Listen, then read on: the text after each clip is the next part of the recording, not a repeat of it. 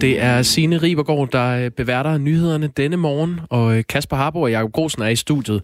Det er Radio 4 morgen, det er den 30. marts, og det er en mandag. Og det kan sådan set være lige meget, fordi ugedagene er jo holdt op med at eksistere som fænomen. Har du lagt mærke til det? De føles ens. Ja, det har jeg lagt mærke til. Øhm, ikke desto mindre er det rigtigt, hvad Jacob siger. Der starter en ny uge, og når en ny uge begynder, så er der også øh, nye overskrifter, der er nye tal. Dagens tal er øh, 33.976. Det er det aktuelle antal mennesker, der mistede livet til coronavirus. Og i nogle lande er det jo kun begyndelsen. Det jeg øh, glæder mig til, og det er altså ikke, eller glæder, det er jo meget makabert ord at bruge i den sammenhæng, men noget af det, der bliver spændende i løbet af i dag, det er, når Danmark og Sverige opdaterer statistikkerne over, hvor mange mennesker, der er indlagt, og også hvor mange mennesker øh, den her epidemi har taget livet af. Fordi Danmark og Sverige er jo sammenlignelige størrelser på alle parametre, undtagen vores måde at håndtere coronavirus på. Ja. I, øh, da vi sendte i forrige uge, der, øh, der havde vi en øh, person med fra Sverige, som fortalte lidt om, hvordan, øh, hvordan forholdene var, og hun fortalte om, øh, at det stadig var muligt at gå ind på en restaurant og spise buffet. Jeg tror, at øh, en af de eneste restriktioner, der er i Sverige, det er, at du kan ikke hænge i baren. Du skal sidde ved et bord. Ja, men er det ikke generelt i Sverige? Det er i hvert fald, du skal helst ikke blive hængende for længe i baren. det kan godt være, det er et fænomen. Øhm, når man kigger i statistikkerne, så vil man vide, at øhm, både Danmark og Sverige mistede for små tre uger siden for første gang en borger til coronavirus. Mm. Og siden har statistikkerne jo opdateret. Siden, altså i begyndelsen af sidste uge, der var det sådan, at øhm, et sted omkring 25 mennesker havde mistet livet i både Danmark og Sverige, altså for præcis en uge siden, til corona. Og siden da øh, er det vokset lidt mere i Sverige faktisk. Ja, det er, eksploderer det ikke med, med smittet omkring øh, Stockholm? Jo, det var det seneste, jeg har hørt. Jo, og det, det er jo der allerede, der bliver statistikkerne svære at holde øje med, fordi hvornår er man smittet? Det er man, når man er testet positiv, og der har vi også forskellige fremgangsmåder. Mm. Men antallet af døde i Sverige, det er i øjeblikket 123 antallet af døde i Danmark er 72. Og det er de statistikker, som der bliver holdt øje med. Både med henblik på selvfølgelig, hvor stor er det egentlig, øh, den her katastrofe er. Og for det andet, hvordan skal strategien være fremover? Det er man spændt på, både i Danmark og i Sverige og i hele verden. Det er der, man famler lidt. Ja, øh, noget andet, vi skal kaste os over her til morgen, det er, øh, hvordan...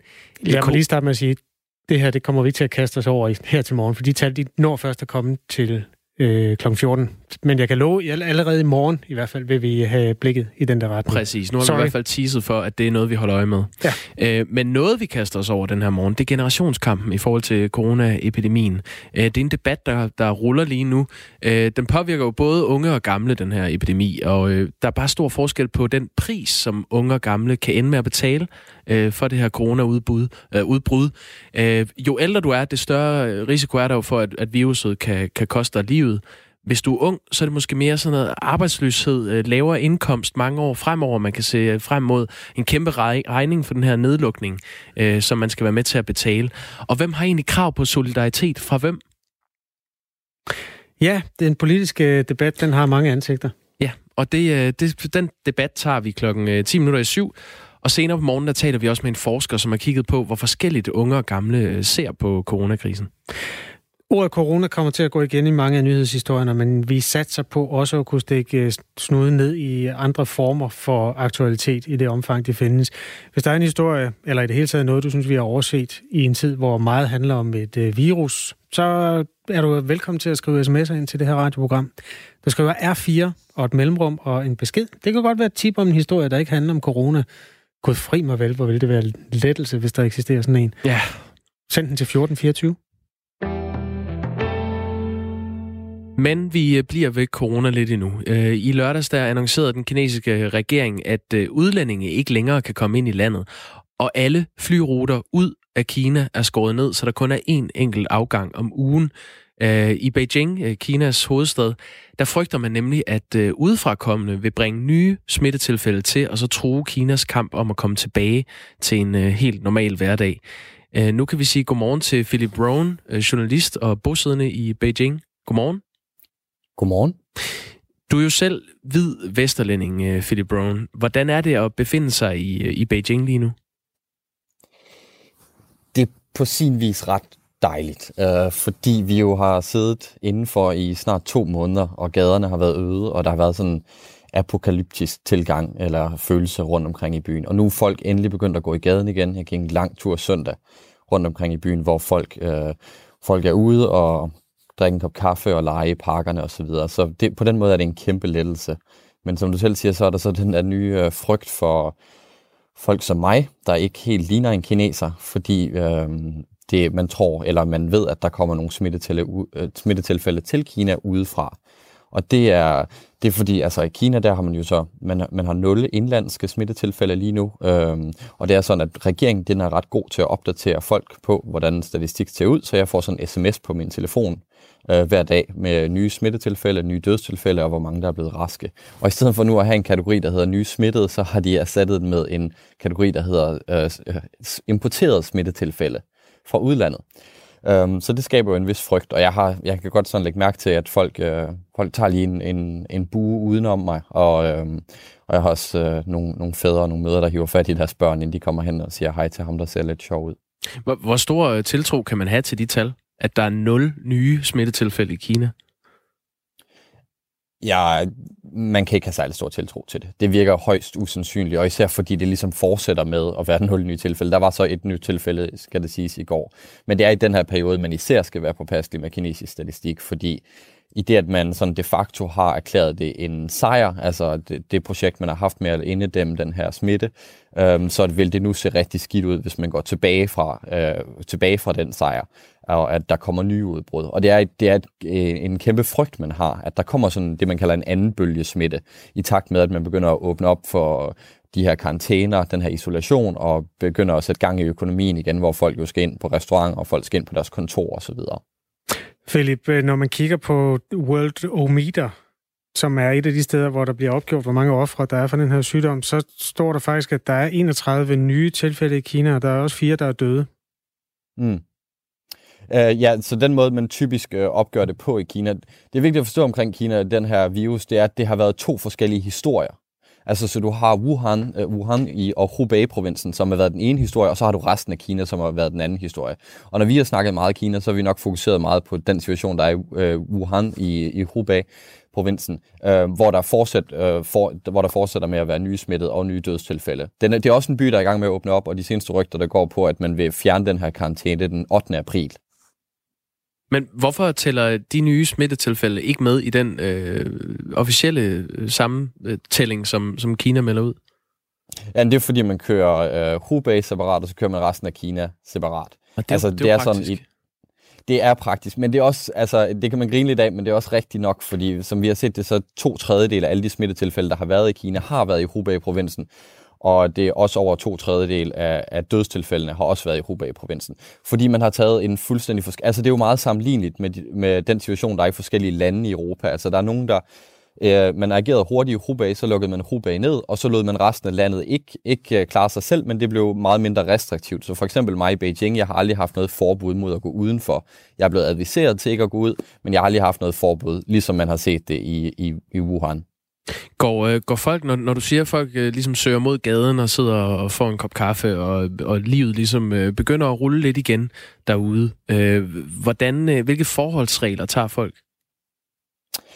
Øh, der er masker. Altså folk har masker på udendørs, og de fleste har også handsker på. Men den her maske, det er, det er jo det, man har set, det har alle kinesere haft siden, siden slut januar, ikke? Øh, øh, uanset hvor man gik hen nærmest, så skulle man have en maske på. Og jeg er blevet stoppet af politiet flere gange, fordi det er lidt svært at cykle med de her masker, fordi de forhindrer dit åndedræt, og jeg er lidt af en, lidt af en øh, lyncyklist, så jeg bliver nødt til at komme op i fart. Og jeg har haft politiet, der stoppede mig og bad mig om at stoppe og tage en, handske, øh, en maske på, og så køre noget, køre noget langsommere, som det er. Men, øh, men, og så har vi så selvfølgelig de her obligatoriske temperaturchecks, som er, som er fra autoriteternes side, hvor de står, hver gang du skal ind og ud af en bygning, så scanner de din temperatur. Det seneste er så, at man får, øh, Øhm, og det gælder især også udlænding, vi skal have sådan en, øh, på vores telefon, så bruger vi kamera til at scanne en QR-kode. Og den QR-kode, den er så forbundet til dit teleselskab. Jeg bruger China Mobile. Og så China Mobile, de oplyser den person, der står ved indgangen om, hvorvidt jeg har været ude af landet og ude af Beijing de sidste 14 dage. Og hvis jeg har det, så bliver jeg ikke lukket ind, fordi så bør jeg nemlig være i karantæne. Det er således for lige nu, at alle, der kommer ind i Beijing udefra, både, både fra andre byer i Kina, men også fra udlandet, de skal 14 dage i karantæne for at sikre sig, at de ikke, øh, de ikke smitter nogen. Så hvis du skal ind i en bygning, så skal du have din uh, telefon med? Ja, ja det skal jeg uanset, hvor jeg skal hen i Kina. Den bruger jeg til at betale med, og ja, det, det er en kniv. Philip Rowan, øh, hvordan ser man så i, i Beijing ud på, på den situation, der ruller i resten af verden, nu hvor Kina ikke længere er, er verdens epicenter for, for coronavirus? Jamen, det er, en, det er en tosidig måde, man kigger på det på. På den ene måde, politisk er man nok en smule lettet over det her, fordi det viser, at det var altså ikke, der var ikke noget i vejen med det kinesiske system, som så. Øh, det var det er åbenbart en virus, der kan ramme alle lande, uanset øh, ideologi og politik og økonomi for den sags skyld. Men man er også en, altså man er, man er mere bekymret. Øh, man er bekymret over, hvordan verden, omverdenen på den anden side af den her virus vil kigge tilbage på Kina og sige, at det var da dybt uansvarligt, at de lod den smidt på den måde. Man er bekymret over, hvad der kommer til at ske med global økonomi. Kina er stadigvæk enormt afhængig af global økonomi, især i forhold til deres eksport. Øhm, så, og man havde lidt håbet på, at når man selv var ude af det her øh, epidemimoras, så kunne man begynde at eksportere sig til noget vækst. Ikke? Øh, så for at alle andre markeder, de aftog nogle af de, mange af de varer, man producerer. Og så er man også en grad af frygt. Øh, så der er enormt mange kinesere, for eksempel, der, der studerer i udlandet øhm, omkring en million næsten, og de er alle sammen nærmest blevet kaldt hjem i løbet af de sidste, af de, af de sidste uger, i takt med, at især udbruddet i USA jo er kommet helt ud af kontrol. Så det, man så i sidste uge faktisk, det var, at der var ikke, øh, der var ikke nogen øh, øh, privatfly til rådighed i hele verden, fordi de alle sammen fløj kinesere hjem til, til Kina. Og jeg har sådan en, en, en lidt uhyggelig fetish med at sidde og tjekke billetter øh, ud, af, ud af Kina, for at se, om jeg kan komme væk, hvis det nu skulle være. Og jeg kan sige så meget, at der er en afgang til København lige nu, der koster 40.000 per sæde. Så, så det er lidt, øh, man har lukket sig af til omverdenen, og så satser man på, at man skal sørge for, at ens egen befolkning er sund. Øh, lige her til sidst, Film Rowan, det, det er jo interessant, det du siger med, med privatfly. Hvad, hvad er det for en, hvor har du den oplysning fra? At der ikke er nogen privatfly til rådighed i hele verden? Nej, de, de er ved at være til rådighed igen, men der var i sidste uge, der var, øh, da, da, da, da det virkelig begyndte at skyde op i USA, så, øh, så var det, det var den nærmest den nemmeste måde at komme hjem på på det tidspunkt for mange af de her kinesere, fordi det man så, det var, der skete med det eksisterende marked for flybilletter, det var, at det, det, skød, det skød op i vejret. Altså, så der var, der var historier om, at folk betalte 20.000 dollar for et fly, øh, flysæde på et normalt fly, og så kan det næsten betale sig at gå sammen med nogle andre og lege et privatfly og flyve hjem. Og det er jo typisk de bedre bemidlede kinesere, der får lov til at tage til udlandet øh, og studere. Så det er ikke, det er ikke sikkert, at, øh, at de alle sammen har råd til privatfly på, øh, i normale omstændigheder, men når det handler om at beskytte deres øh, små purker og bringe dem hjem til moderlandet, hvor de kan være i sikkerhed, så, så vil de fleste forældre villige til at tage den, tage den øh, omkostning, der kommer med det. Tak for den dugfriske melding fra Beijing. Philip Rohn, journalist. Selv tak. Klokken er 18 minutter over 6 den her mandag morgen. Du lytter til Radio 4 morgen. Det er Jakob Grosen og Kasper Harbo, der er værter på programmet i dag. Når vi nu flyver øhm, lidt rundt i verden, så lad os også øh, slå en tur ned i Sydafrika. I programmet I Orkanens Øje her på Radio 4, der dykker vores kollega, øh, krigsfotografen Jan Grav, hver uge ned i konflikter verden over, og de her konflikter, dem springer coronasmitten jo ikke bare hen over. Derfor har Jan Graup i den her uge talt med fotografen Jørgen Stjerneklar, der bor i Sydafrika. Og øh, han kan fortælle om, hvordan øh, coronaviruset påvirker de mange fattige sydafrikanere, der bor i landets townships. Torsdag midnat blev landet lukket ned. Øh, præsidenten havde været ude og fortælle os alle sammen, at sådan her skulle det være. Og det er vi så i 21 dage, og den nedlukning betyder, at vi ikke må forlade vores øh, hjem, og kun hvis vi skal købe essentielle varer ind, eller hvis vi skal på apoteket.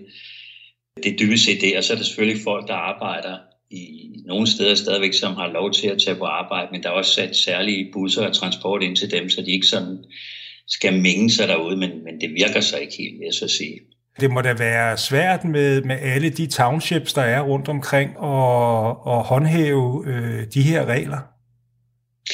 Det er det også. Man har så gjort det drastiske skridt. Øh, man har sat hæren ind. Øh, der tror de har sat den ind. Jeg ved ikke, hvor mange steder, men det er mange steder for netop at prøve at, at få folk til at overholde det her øh, forbud og få dem til at indse, at det ikke kan betale sig hverken for dem eller for os andre, at de, de overskrider de her regler, der nu er sat. Men, men i stadigvæk, det, var, det, det startede først torsdag midnat, det vil sige i lørdag i dag, så det, det er nyt for de fleste. Og folk skal jo have tid til at lade sig noget synge til bunds, fordi man er vant til at gøre, som man gør. Og især i townshipene, som du nævner, hvor folk bor ekstremt tæt, der er det jo en del af kulturen, at man er sammen ude på gaden, og man flinter rundt og snakker med Gud og hver mand. Øh, de har en helt anden kultur, end vi har i Danmark, så, så det bliver svært.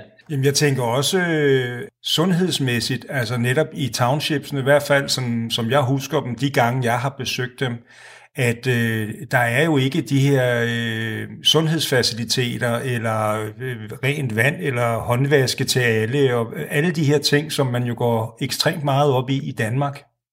Jamen, det er fuldstændig rigtigt. Øh, det er også derfor, at man har reageret relativt tidligt fra myndighedernes side, fordi vi har faktisk kun indtil nu øh, to døde af corona hernede, eller af covid-19, men, men øh, netop fordi, at de sanitære forhold og sundhedsforholdene generelt er øh, dårlige i Sydafrika, selvom de er gode i forhold til resten af Afrika, så har man valgt at prøve at gøre det på den her måde. Det er spændende at se, om det er en strategi, der, der virker, fordi at der er ikke adgang til rent vand øh, ret mange steder. For det meste skal folk ud på gaden i, de her township for at, at hente en spand, eller ikke i township nødvendigvis, men i de slumkvarterer, som der er rigtig mange af hernede. Der er vandforsyninger og, og hvad hedder det, sanitetsforholdene rigtig dårlige. Og så har vi så oven på det der øh, hospitals- og sundhedsvæsenet, som i forvejen er enormt belastet i Sydafrika på grund af HIV-AIDS og, og tuberkulose og øh, astma Altså, det er helt vildt. Hvad, øh, altså herhjemme har en af de diskussioner, der har været, som der har været diskuteret meget, det er jo øh, adgangen til respiratorer. Og jeg tror, at Danmark er oppe på lidt over 1000 respiratorer lige nu. Ikke? Snakker man om det i, i medierne i, i Sydafrika? Altså, hvad, hvad er der af muligheder? Jamen altså lige nu er det jo sådan, at de har forberedt sig, og de, de har forberedt sig så godt, som de kan. Problemet er, at der er så mange tuberkuloseramte hernede. Jeg tror, vi har en halv million tilfælde, altså som en dag, som i dag, som, som jo øh, tit og ofte skal indlægges og, og skal have adgang til respirator. Og der, der er ikke nogen, der, der kan se, hvordan det kommer til at spænde af, fordi at det er i forvejen underforsynet øh, i forhold til de mange, der, der lider af luftvejssygdomme hernede. Så jeg, jeg, altså jeg ser det som, hvis de ikke får stoppet den her smitte ude, og det har man så prøvet at tænke sig at gøre, at hver gang man finder nogen, der er positive, så vil man isolere dem, altså tage dem væk fra deres hjem, og, og dem de har været sammen med, og de er ved at oprette eller sætte nogle, nogle steder op, hvor man kan, man kan bringe folk ind, men, men om det kommer til at, at virke sådan rent logistisk, og, og sådan, det er slet ikke til at overskue. Det er, jo, det er jo ligesom alle andre steder i verden, at man har ikke været helt forberedt på det her. Altså i, i størrelsesorden, der, der tror jeg, det kommer til at overvælde øh, alle sundhedssystemer, i, i hvert fald i Afrika.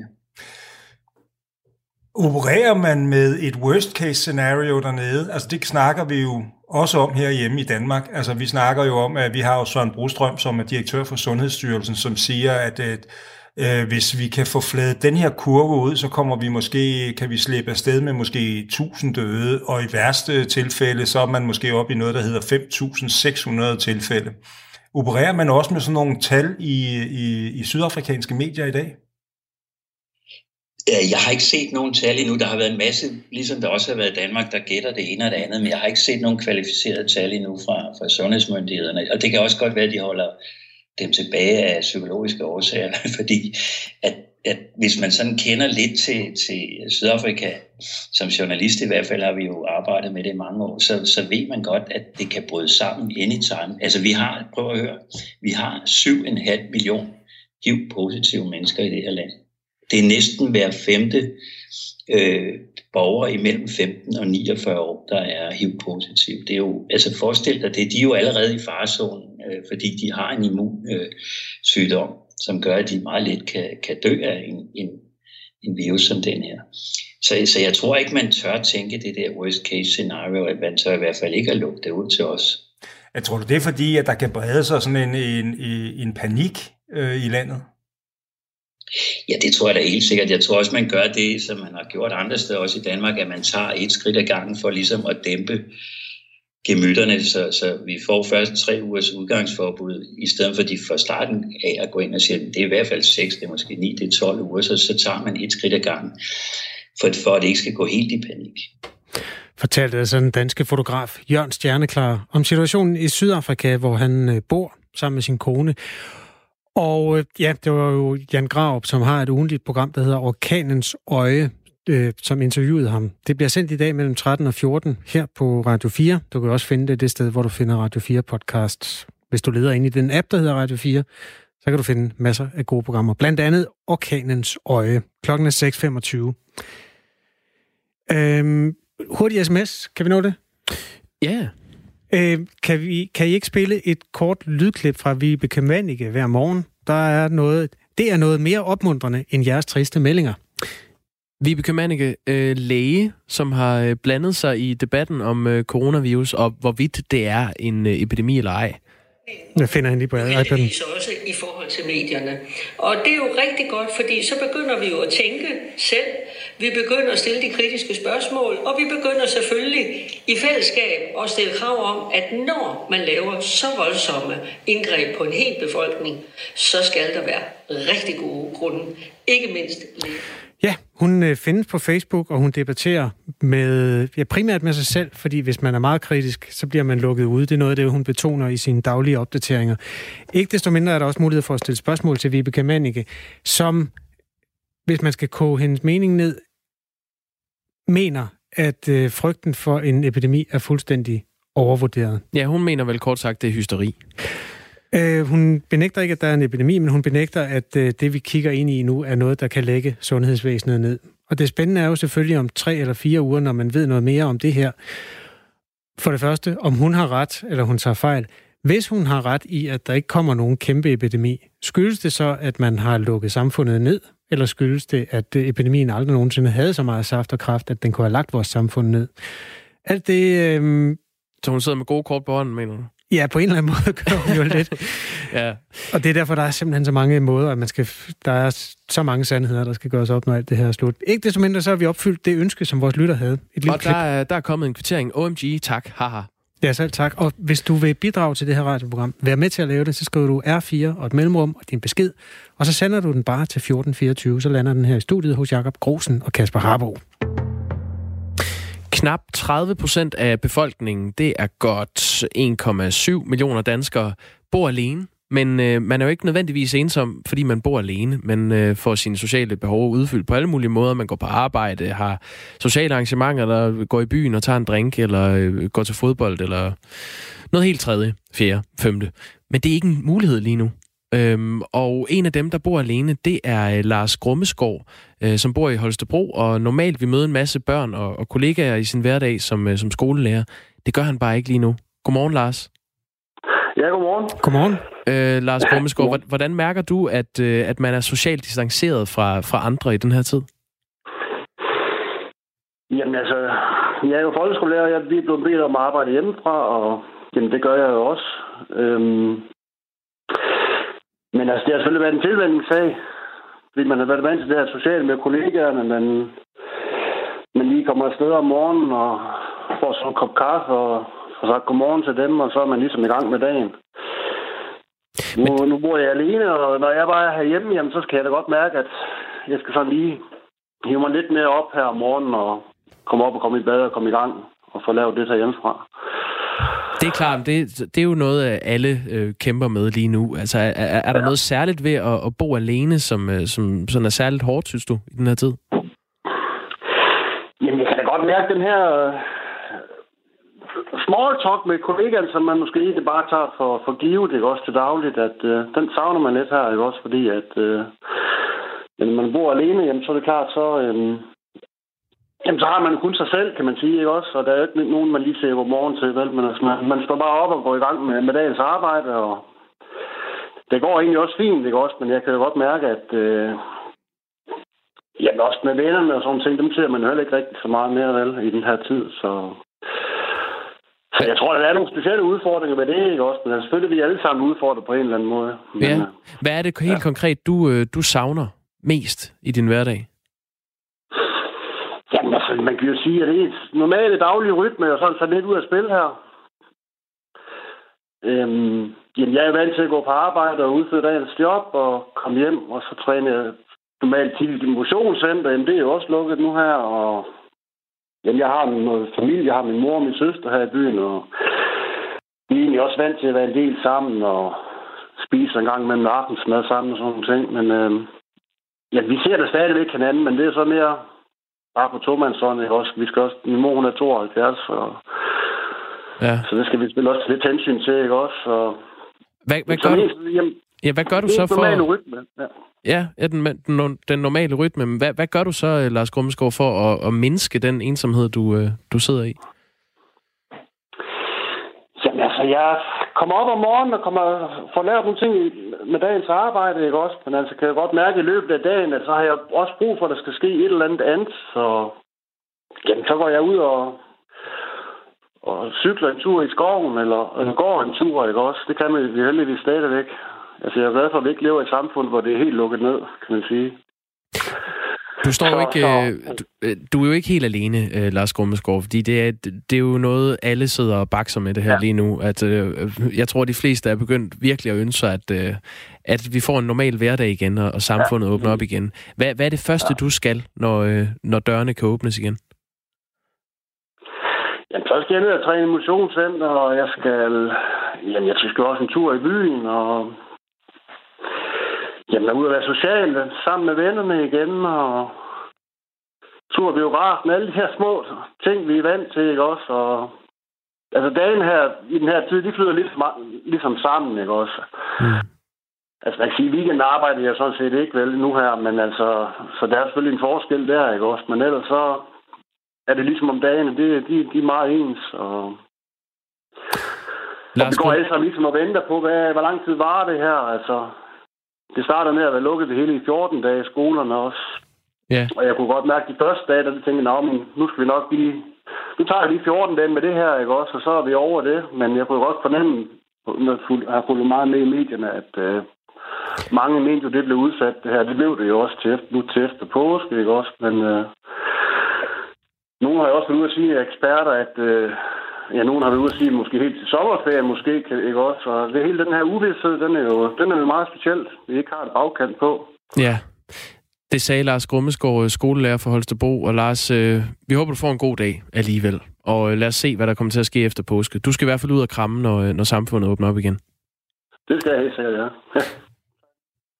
Jamen, ja. øh, dermed blev klokken 6.32. Husk, at øh, alle almindelige mennesker også er velkomne til at skrive ting ind i det her radioprogram. For eksempel en øh, lærerstuderende, som skriver, vi lærerstuderende kan finde ud af at holde Skype-samtaler for smalltalk og høre, om alt er vel. Så kan det vel ikke passe, at færdiguddannede lærere ikke besidder samme evne. En stikpiller sender sted, efter vi har sagt øh, farvel til Lars Grumsgaard, men øh, det kan være, at han stadig lytter med, så kan han jo gøre det. Man kan også tage det som godt råd, og øh, huske, at der er forskellige apparater, som forbinder mennesker Altså man kan simpelthen tale, også i det, der hedder en telefon, som God. mange kender. Okay, hvad, hvad kan du ellers diske op med? Jamen, uh, Skype, uh, telefon, ja. sms. Skal vi lige lære mig her efter nyhederne. Nu uh, går Signe Ribegaard på.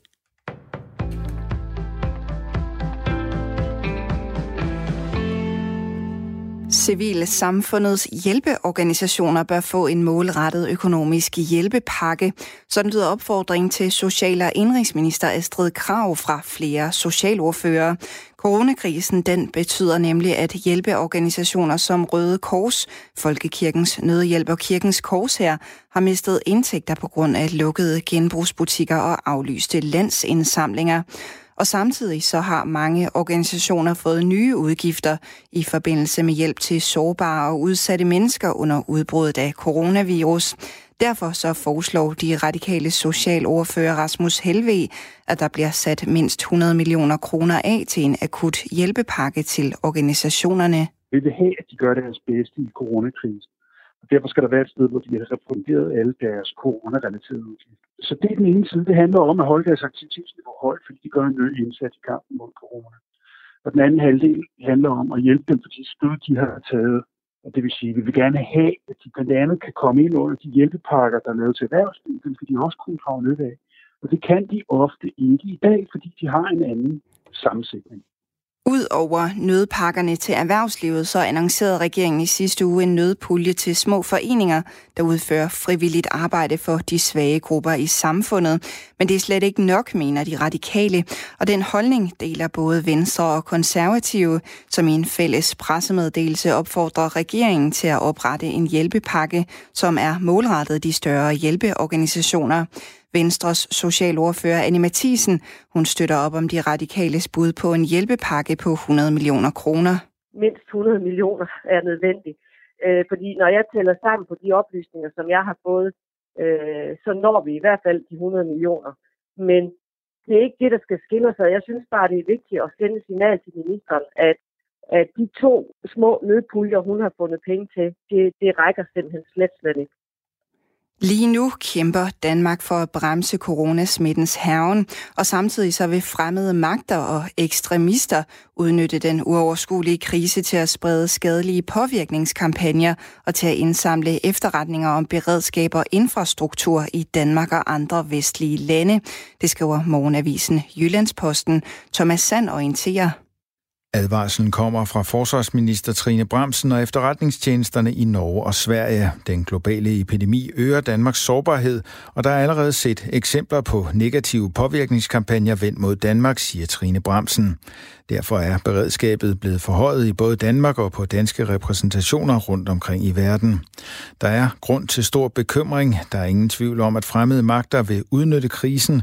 Der er blandt andet risiko for udbredelse af myter, der kan skade Danmarks anseelse og få negativ indflydelse på både handel, turisme og påvirke trusselsbilledet i Danmark, siger hun, og bekræfter, at ministeriet blandt andet er bekendt med en falsk video i Kina, hvor danske skolebørn synger antikinesiske sange.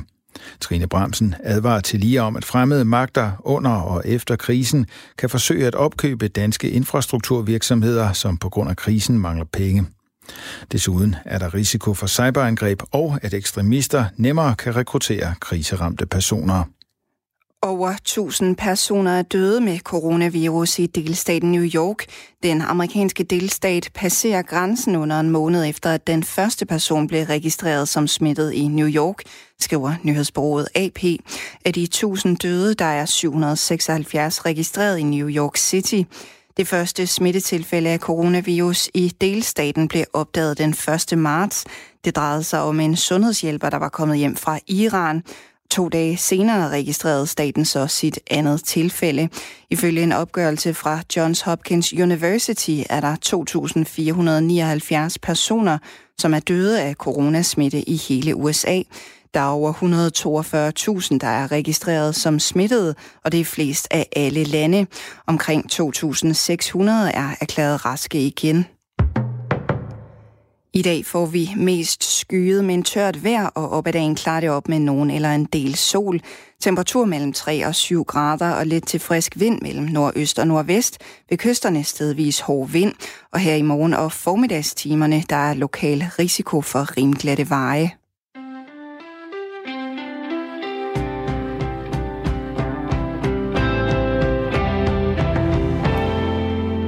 Sikke nogle byproblemer. Jeg bor på landet og har knap nok lagt mærke til corona, skriver Silas.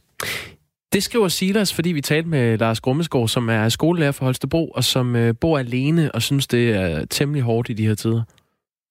Der er forskel på by og land i forhold til, hvor synligt det er i bybilledet, mm. tror jeg. Ja. Eller landbilledet. Om der er øhm, restriktioner lagt ned over den måde, man færdes på. Nu skal vi faktisk tale med et menneske, der mærker temmelig tydeligt, at øh, det er en anden tid. Sagen er den, at indsatte i de danske fængsler er presset tæt sammen, og øh, det betyder jo, at øh, coronarisikoen er større. Både i Norge og den tyske delstat Nordrhein-Westfalen har de åbnet op for strafafbrydelse for at øh, minimere antallet af indsatte på samme sted. Øh, herhjemme øh, diskuterer man det samme. Øh, altså enhedslisten blandt andet mener, at Danmark skal være klar til at afbryde straffene midlertidigt, hvis der udbryder smitte. Øhm, og det er jo selvfølgelig en af dem, du er også meget øh, velkommen til at blande dig i på sms'en, hvis du skriver ind på 1424 man ytrer sig ved at skrive R4 og et mellemrum, og så sin holdning til, altså om strafferne skal gøres kortere i de danske fængsler for nogle af dem, der er i fare. Nu har vi ringet til Steffen Andresen, der er indsat i det åbne fængsel Sønder Omme i øh, Jylland, fængslet for tyveri. Godmorgen, Steven. Øj, der er en lidt øh, kras forbindelse til dig. Jeg håber, at du lige kan... Ja, du kan ikke gå hen øh, til en sendemasse som sådan, men... Ja, kan du bedre høre mig nu? Ja, det er lidt bedre. Godmorgen, Steven. Godmorgen. Myndighederne anbefaler, at man maks er 10 mennesker samlet lige nu. Hvordan ser det ud i Sønder Omme, der hvor du sidder? Vi er 33 mennesker på en afdeling. 33 på en afdeling. Hvor tæt sidder ja. I sammen? Jamen, øh, der er 20 cm imellem hver celle. 20 cm imellem jer, når I sidder... Ja, men hver celle, du ved, altså, vi, vi kan jo gå rundt ud på gangene sammen, og vi kan... Altså, ja, vi, vi, vi er jo sammen hele tiden, kan man sige.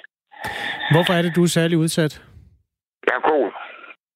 Altså lungesygdommen kol? Ja. Hvor hårdt ramt er du af det? Ja, altså, det er jo hårdt ramt. Jeg får heller ikke mit medicin lige nu, kan man sige, fordi det ikke har det ikke styr på. Så, så, så jeg, jeg synes, det er ekstra udsat i hvert fald. Der er 300-400.000, der har det i Danmark, og nogen har det jo i fuldstændig invaliderende grad, og nogen har det i mild grad. Altså bare for at lige finde ud af, hvor du ligger på skalaen. Hvor, ja, hvordan, hvordan mærker du kol i hverdagen? Ja, mærker jeg, jeg kan ikke gå så langt, og jeg hoster hele tiden, og øh, jeg får tit åndenød og sådan noget. Steven, vi har ringet til dig, fordi i den tyske delstat øh, Nordrhein-Westfalen, der øh, arbejder man på at løslade nogle former for fanger midlertidigt, hvis der kommer smitte.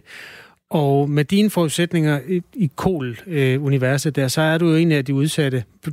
Hvilke tanker gør du dig om coronavirus og muligheden for at få den lige nu? Ja, altså, jeg har jo lige haft en virus, hvor jeg var for at blive tjekket, men, men de har jo ikke maskiner til at kunne tjekke det herinde. Så du ved reelt ikke? Eller hvad? Nej, det, det, det ved man jo ikke, fordi de kan ikke tjekke det herinde. Har du været bange for at få corona? jeg, jeg holder mig også mest fra de andre indsatte, fordi at, at, at, at, jeg vil helst ikke smittes med det. Nu har jeg hørt, at der er kommet et tilfælde i et af fængslerne. Vi ved jo bare ikke, hvor det er henne. Ja. Um... Og, og, og, og, også, også den måde, altså hygiejnen skal være top, siger de. Men, men vi er 33 mennesker. Vi skal dele tre toiletter, et bad, en vaskemaskine og to komfurer. Ja. Så, så, så, hvis det endelig skulle blive, at der var en, der var smittet, så bliver vi jo alle sammen det lynhurtigt. Har I ikke noget sprit? håndsprit og håndsæbe og sådan noget? Ude på, ude, på, kontoret, men det er kun, når vi skulle ud og have medicin, eller vi skulle snakke med vagteren, så kan vi til lige tage et tryk på den, og så lige bruge spritten på os hænder. Hvad med håndvask? Altså, I har vel mulighed for at vaske jeres hænder, har I ikke? Og vi har to håndvaske, og så har vi taget en på hver sætte.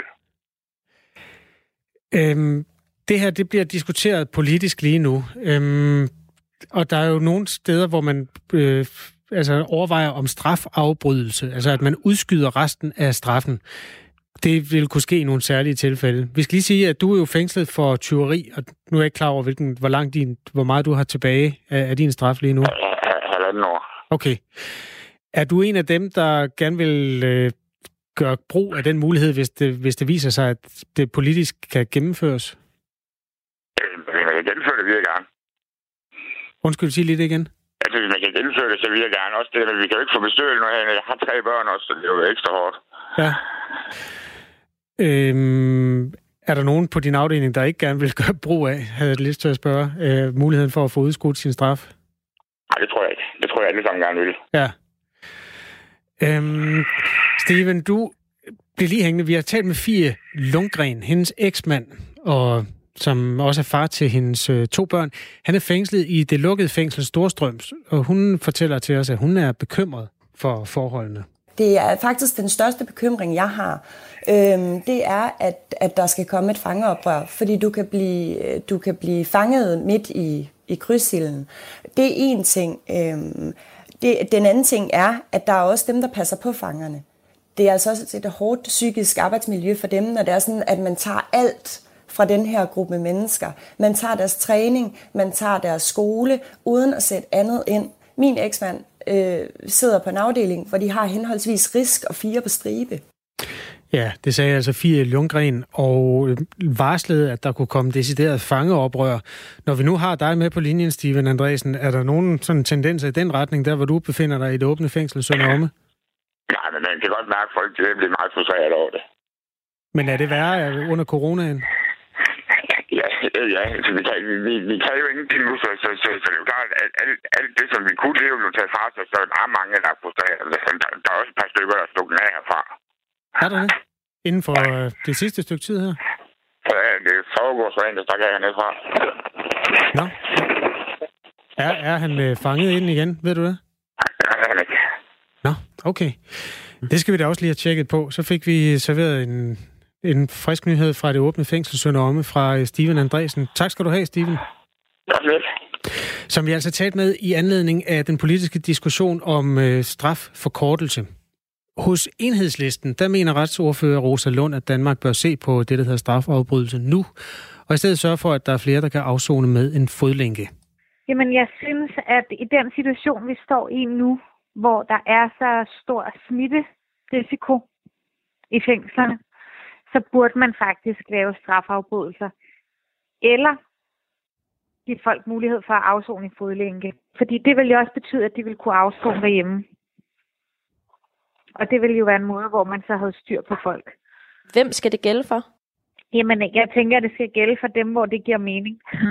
det er jo nemt at sige, men forstået på den måde, at det skal være op til fængslerne at vurdere, hvad er det for nogle indsatte her, hvor det vil give mening, at vi lavede strafudsættelse, og hvor, hvad er det for nogle, hvor det vil give mening, at de kommer i fodlænke. Synes du, det skal gælde fra nu? Ja, det synes jeg vil være rigtig klogt. Øh, fordi det er jo nu, at, at vi står over for at skulle snart gå ind i anden bølge af den her øh, pandemi. Og den kan jo ramme rigtig, rigtig hårdt, ved vi, fra tidligere pandemier. Så, så lad os komme i gang, synes jeg. Og øh, hvorfor skal øh, personer, som har gjort noget kriminelt, øh, have lov til at udskyde deres straf, bare fordi der er øh, corona? Øh, vi andre skal jo også passe på lige meget, hvor vi bevæger os hen. Fordi at når man er indsat, så er man jo i en særlig situation. Man er jo sådan set isoleret i forvejen, men det betyder også, at man ikke kan komme væk, hvis man for eksempel er i risikoen, og der er en af de andre indsatte, som bliver smittet. Et fængsel er jo på den måde et sted, hvor der er mange mennesker samlet. Så det handler jo ikke om, at folk ikke skal straffes. Det handler om, at folk ikke skal smittes. Øh, Norge har også valgt at løslade nogen før tid. Altså ikke bare afbrudt straffen midlertidigt, men løsladt dem øh, før tid. Er det også noget, du mener, Danmark bør gøre?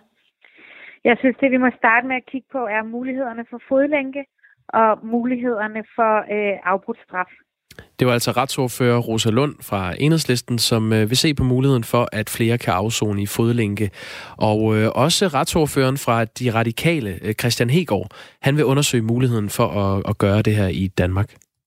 Grundlæggende er strafforbrydelse ikke altid den bedste idé, fordi det er jo bedst at afzone på en gang, så man ikke kommer ud og så måske får et job og uddannelse, og så kommer øh, ind igen. Men vi står bare i øjeblikket i en helt særlig situation, hvor det måske kan være den bedste løsning for nogen, hvis det er, at man er så mange inden for et bestemt areal, så det ikke er sundhedsmæssigt hensigtsmæssigt. Jamen, det betyder i den aktuelle situation, vi er i lige nu, så er det noget, jeg vil spørge øh, justitsministeren øh, i næste uge, når vi har møde om, hvorvidt der er nogle steder i nogle af fængsler, øh, hvor at der simpelthen er for mange på for lille plads, hvor at man måske skal indrette sig øh, bedre, hvor at man jo har kunne se, at andre lande har brugt øh, strafafbrydelse og spørge ind til, hvad det er, at man har valgt ikke at gøre det i Danmark. Det var Christian Hegård fra De Radikale retsordfører, som øh, vil se på muligheden for, for rets, eller for strafafbrydelse, hedder det. Øh, retsordføreren fra SF, Karina Lorentzen, hun mener ikke helt, at øh, det er der, vi er i Danmark endnu. Altså, det er ikke et redskab, vi øh, skal bruge på nuværende tidspunkt, men jeg tror, vi skal holde det parat til, hvis øh, der opstår en situation, hvor folk begynder at blive smittet i vores fængsler.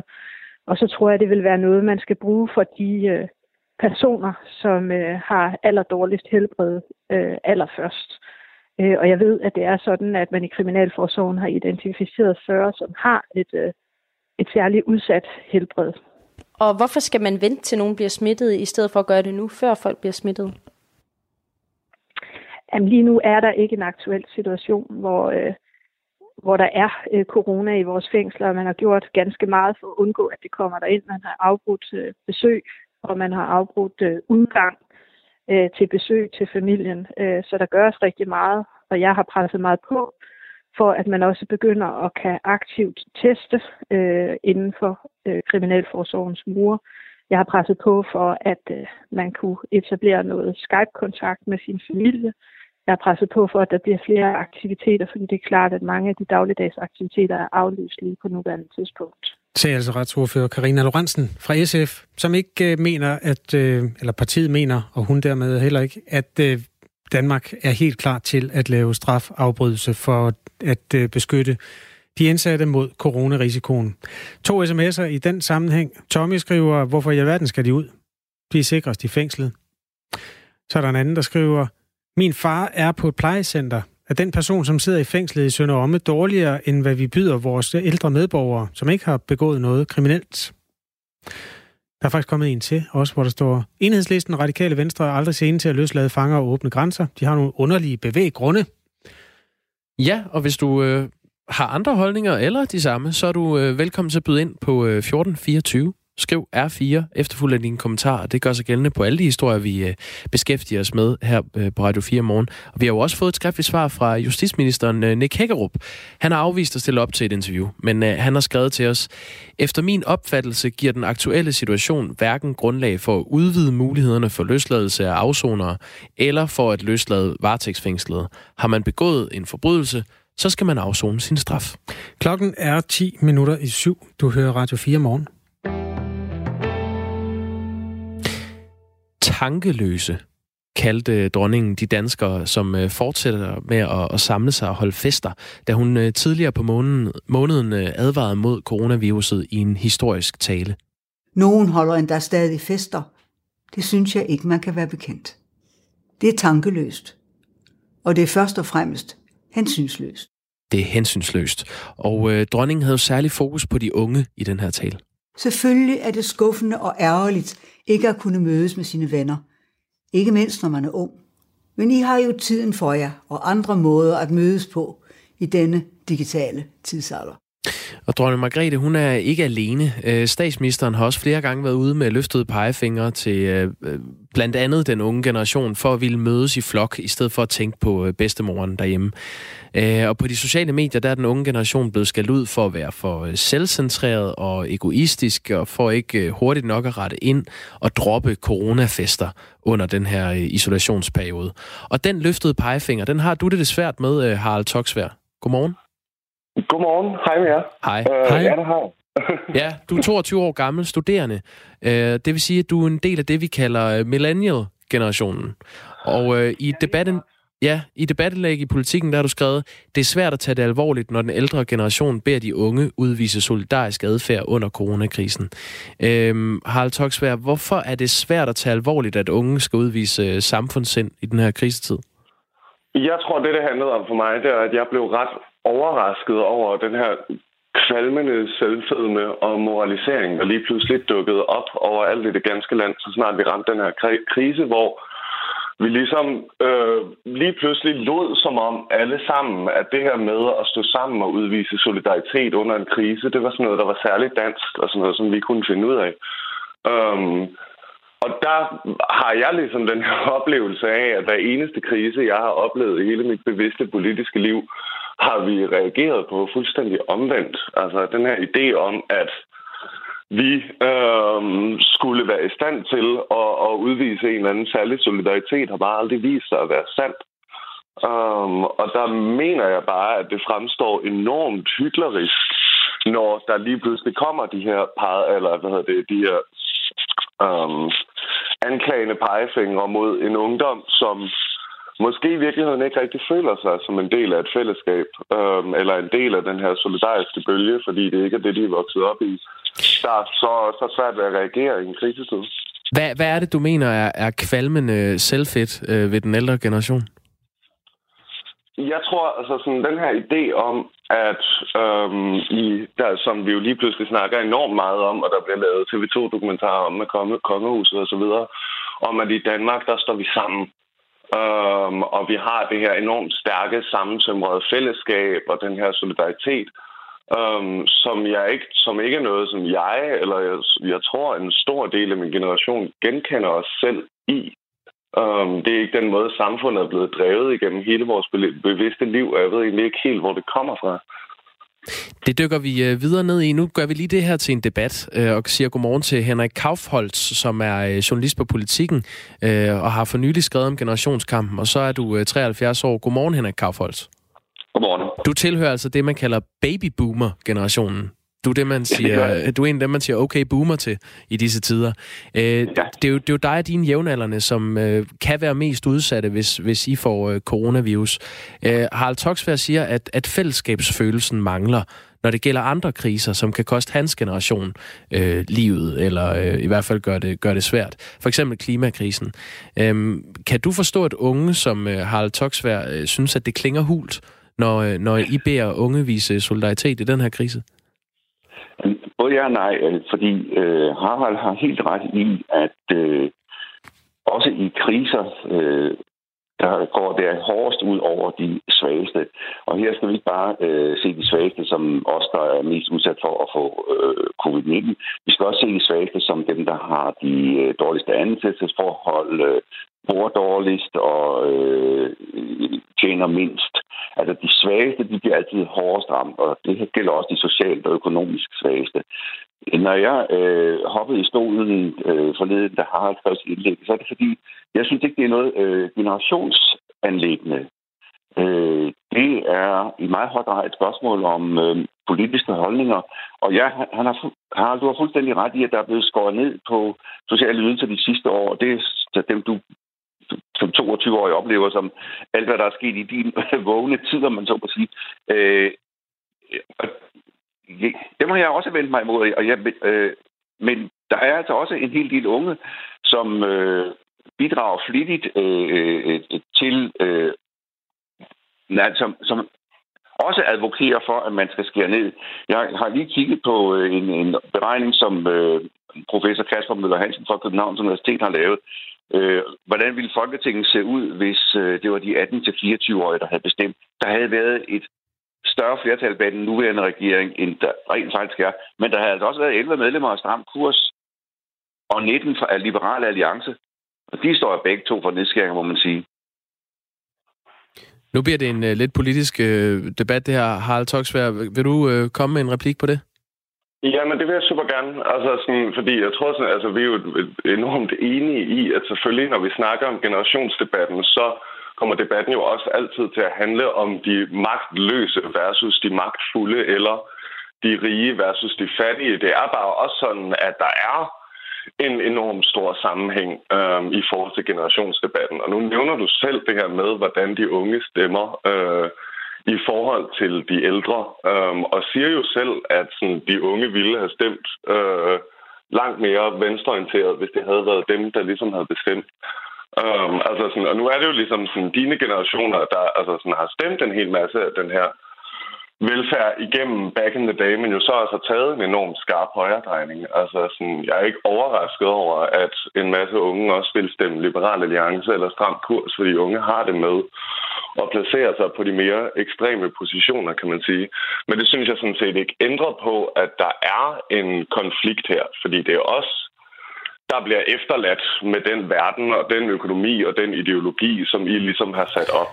Ikke? Harald Toksvær, og konsekvenserne jeg, af de kriser, som I ikke har reageret på. Jeg bryder lige ind her. I, I er meget politisk enige, så det kan også blive lidt en, en ensidig, uh, ensidig debat. Men jeg kunne egentlig godt tænke mig at spørge dig, Harald Toksvær. Uh, hvilken tid vil du hellere være født i, i, i Danmark end nu? Ja, men det er jo et spørgsmål, jeg er blevet stillet rigtig ofte øh, de sidste par dage. Jeg synes som sådan, det er en falsk dikotomi, den her idé om, at, sådan, sådan, at vi hele tiden skal snakke om, at sådan, du ved, hvis vi ikke Øhm, hvis vi ikke heller vil, blive fø- vil være født i 20'erne, øhm, så kan vi ikke beklage os over den tid, vi lever i. Øh, men jeg ville da for eksempel meget hellere have været ung under de store forbrugsfester i 90'erne. Altså sådan, øhm, end ligesom at se efterdønningerne øh, af den her sådan, altså, kæmpe kapitalfestival, som der har været de sidste 40 år. Ikke? Og hvad tænker du så, når man, øh, når nu, øh, som, øh, som vi hører fra Henrik her, at at det ikke kun de ældre, øh, det går ud over, hvis, øh, hvis folk bliver smittet. Det er også de svagelige. Det kan jo også være unge, som, øh, som har øh, nogle, nogle andre sygdomme, man går og kæmper med. Eller det kunne være din egne, øh, øh, dine egne forældre, din egen bedsteforældregeneration. Er der ikke også et hensyn at tage der?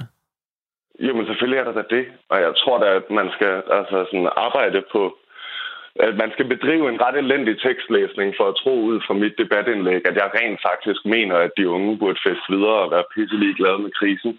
Altså debatindlægget er jo grænsende til satirisk og lavet til provokation. Det er lavet til at udstille, eller skrevet for at udstille det hyggeleri, der ligesom har eksisteret i de ældre generationer, når der er kommet til at dele med alle mulige andre kriser, i forhold til, hvordan vi bliver bedt om at, øh, og, altså, øhm, at gøre nu. Ikke?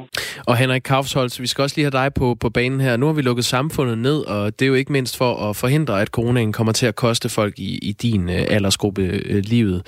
Øh, på lang sigt, så er det jo de unge, som, som Harald her, Toksvær, som kan komme til at betale en anden høj pris.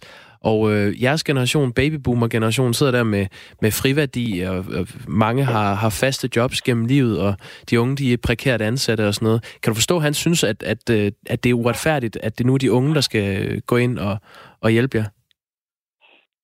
Ja, det kan jeg til en, en vis grad, men jeg, jeg vil jo jeg ville jo godt have sagt en, en, en, en skudt en lille pil tilbage, fordi jeg er da for eksempel bekymret over, at øh, andelen af unge, der ryger, er stigende. Og jeg vil sige, når jeg øh, indimellem møder på arbejde øh, øh, en lørdag morgen, øh, og ser, hvad der ligger af, af pizzabakker og svinerier inde i, min København, øh, så ved jeg jo godt, at det ikke er min generation, der har været derinde. Øh, altså, øh, så skal, skal vi heller ikke være mere heldige på de unges vegne. Men naturligvis, de unge overtager samfundet, som vi efterlader det. Og øh, jeg kan sgu da godt forstå, at Harald og andre er bekymret især på, på klima og, og, og miljø. Det andet, nemlig med øh, de sociale ordninger, øh, størrelsen af SU osv., det kan man hurtigt regulere sig ud af. Danmark kommer ud af krisen stadigvæk som et rigt samfund, men vi har ikke løst de helt fundamentale problemer. Det har jeg, om man så må sige, agiteret og kæmpet for hele livet, men for døve øren, øh, og jeg vil gerne sige, at øh, den næste generation, Harald og Thunberg og alle de andre, de bliver altså nødt til at finde noget andet skødt frem, hvis de skal have ændret det. Sådan lød det fra øh, Henrik Kaufholz, journalist og 74 år, og øh, Harald Toksvær, studerende, 22 år. Tak fordi I var med, begge to, og tog hul på den her øh, generationsdebat om corona. Med det øh, er klokken listet sig hen over syv. Du lytter til Radio 4 morgen den 30. marts. Nu giver vi ordet til Sine.